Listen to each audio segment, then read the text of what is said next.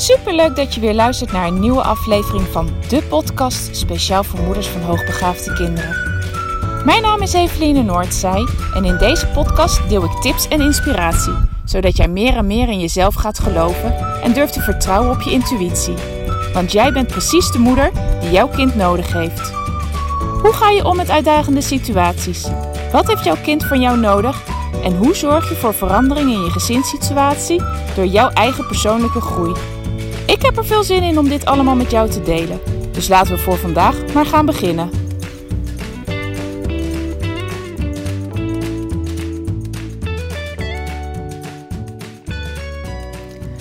Ha, lieve luisteraar. Het is weer tijd voor een nieuwe podcast. Vandaag is het woensdag. Een beetje anders dan anders, want deze podcast is de geluidsopname van de video die ik vanmorgen geplaatst heb in mijn Facebook community.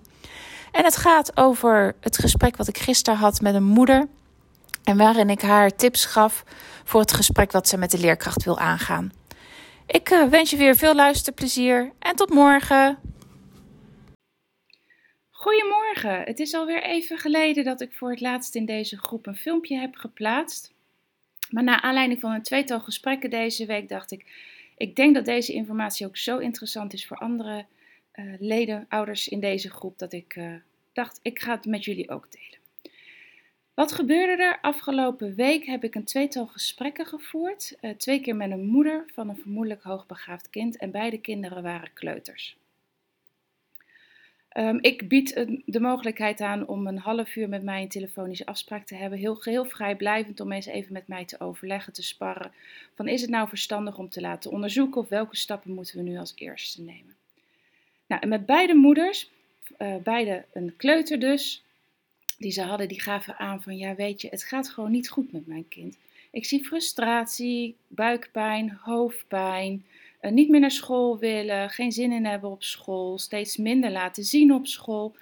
En ik denk dat het heel verstandig is dat we iets gaan doen, maar we weten eigenlijk niet zo goed wat nu de eerste, of tenminste de vervolgstap is. Want allebei de ouders waren al in gesprek met school. Uh, maar ja, dat had nog eigenlijk tot heel weinig resultaat geleid.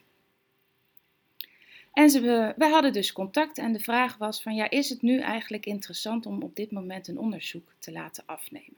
En hoewel beide casussen dus best wel heel erg overeenkwamen, um, is toch mijn advies heel anders geweest. Bij de ene ouder heb ik geadviseerd om het onderzoek in te gaan plannen en zo snel mogelijk ja, te gaan laten afnemen. Nou, die staat dus gepland voor het eind van deze maand. Dan zal ik deze jongen onderzoeken. Bij de andere moeder heb ik geadviseerd om eerst het gesprek met school aan te gaan. En ik ga je vandaag uitleggen waar voor mij het verschil zit in de, in de adviezen die ik heb gegeven. De ouder van de jongen waarvan ik heb gezegd van nou, het is heel goed om hem te laten onderzoeken, die gaf bij mij aan dat ze zelf heel erg twijfelt of deze school wel gaat bieden wat hij nodig heeft. En ze was zelfs al zover dat ze naar andere scholen aan het kijken was. Nou, met alles wat ze vertelde, uh, kwam, was dit het laatste zetje waardoor ik zei van ja weet je, als jij heel graag naar een andere school wil gaan kijken, dan zou ik hem nu gewoon ook echt laten onderzoeken. Want dan weet je wat de uitkomst is van zo'n intelligentieonderzoek en dan kan je nog gerichter gaan zoeken naar een geschikte en passende school voor hem. De tweede moeder, die gaf aan van ja, ik weet het nog niet zo goed. En ik ben al wel een paar keer met school in gesprek gegaan. Maar ja, wat ze nu eigenlijk daadwerkelijk kunnen gaan bieden, het wordt mij nog niet helemaal duidelijk. En toen ik begon over schoolveranderingen of misschien een klas overslaan, ja, dat was allemaal zo nieuw voor haar dat ze zei van ja, ik stap hier voor het eerst in. Het gaat om onze oudste, dit is allemaal nieuw. Dit gaat wel, ja, dit gaat wel heel vlug. Nou, en dat kan ik me ook heel goed voorstellen. Dus ik zei tegen haar: Het lijkt mij gewoon nu nog niet passend om een onderzoek af te laten nemen. Ik zou, als ik jou was, eerst teruggaan naar de leerkracht. Nou, daar staat al voor, uh, voor over twee weken een, uh, een schoolgesprek gepland, zo'n 10 minuten gesprek.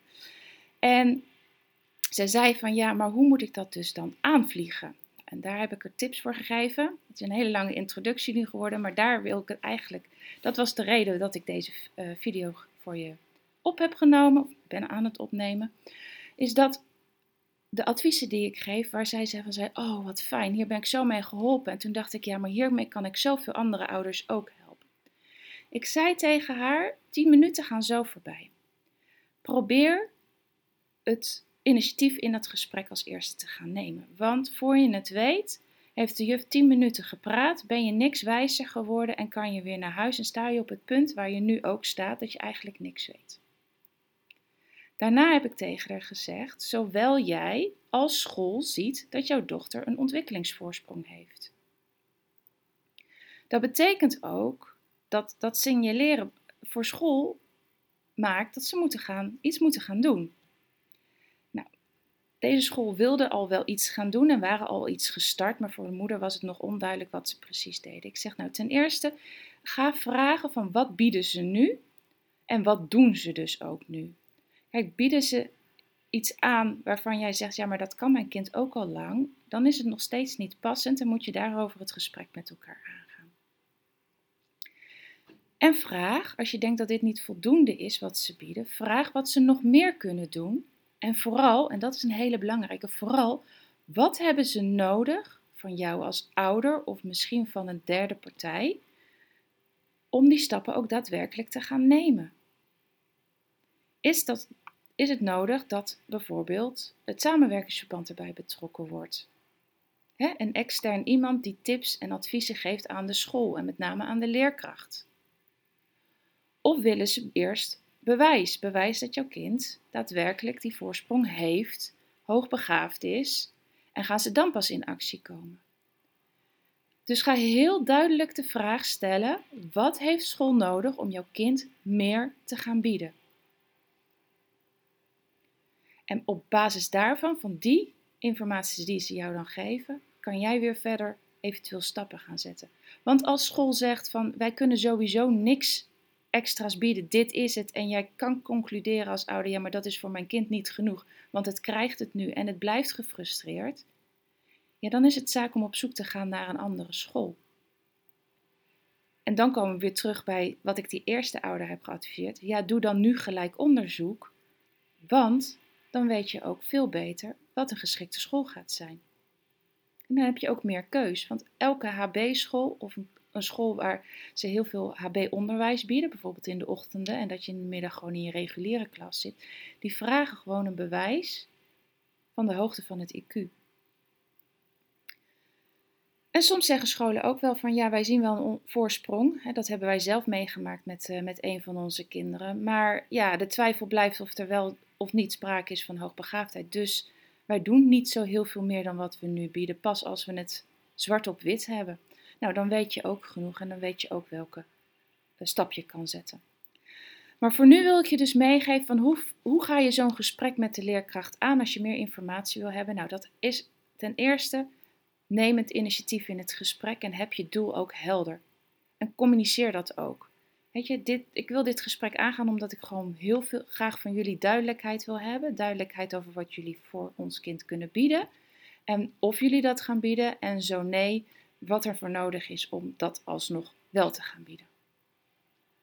Nou, deze ouder gaf in ieder geval aan dat ze met deze tips heel erg geholpen was. En ik hoop dat jij er ook iets aan hebt.